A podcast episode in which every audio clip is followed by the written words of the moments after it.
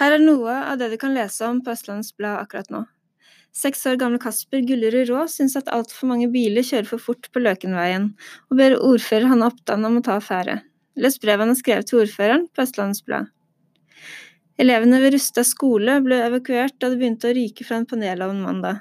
Ifølge politiet var det ikke snakk om noen brann, og panelovnen ble fjernet av brannvesenet.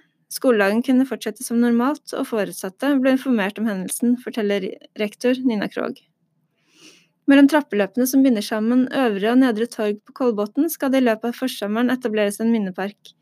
Nå er det satt i gang en innsamlingsaksjon for å samle inn penger til en byste av frihetskjemperen Jan Baalsrud. Det var full jubel da Follo HK slo Lillestrøm på bortebane søndag kveld. Samtidig slo Sandnes overraskende Nøtterøy. Dermed er Follo klar for Eliteserien. ØB fulgte kampen og strømmet live fra Lillestrøm. Både reprisen og bildene finner du på øb.no. Du kan også lese om daglig leder Tove Kreppen Jørgensen, som er bekymret for fremtiden til Follo lokalmedisinske senter, og se video av mannen som kom til Norge for å stjele, men som ble holdt under oppsikt da han forsynte seg av varer på Oslo lufthavn Gardermoen. Mye tyder på at våren er på vei, og det er ventet stadig mildere temperaturer utover uka. Husk at du kan få full tilgang til alt innhold på øb.no i fem uker for fem kroner.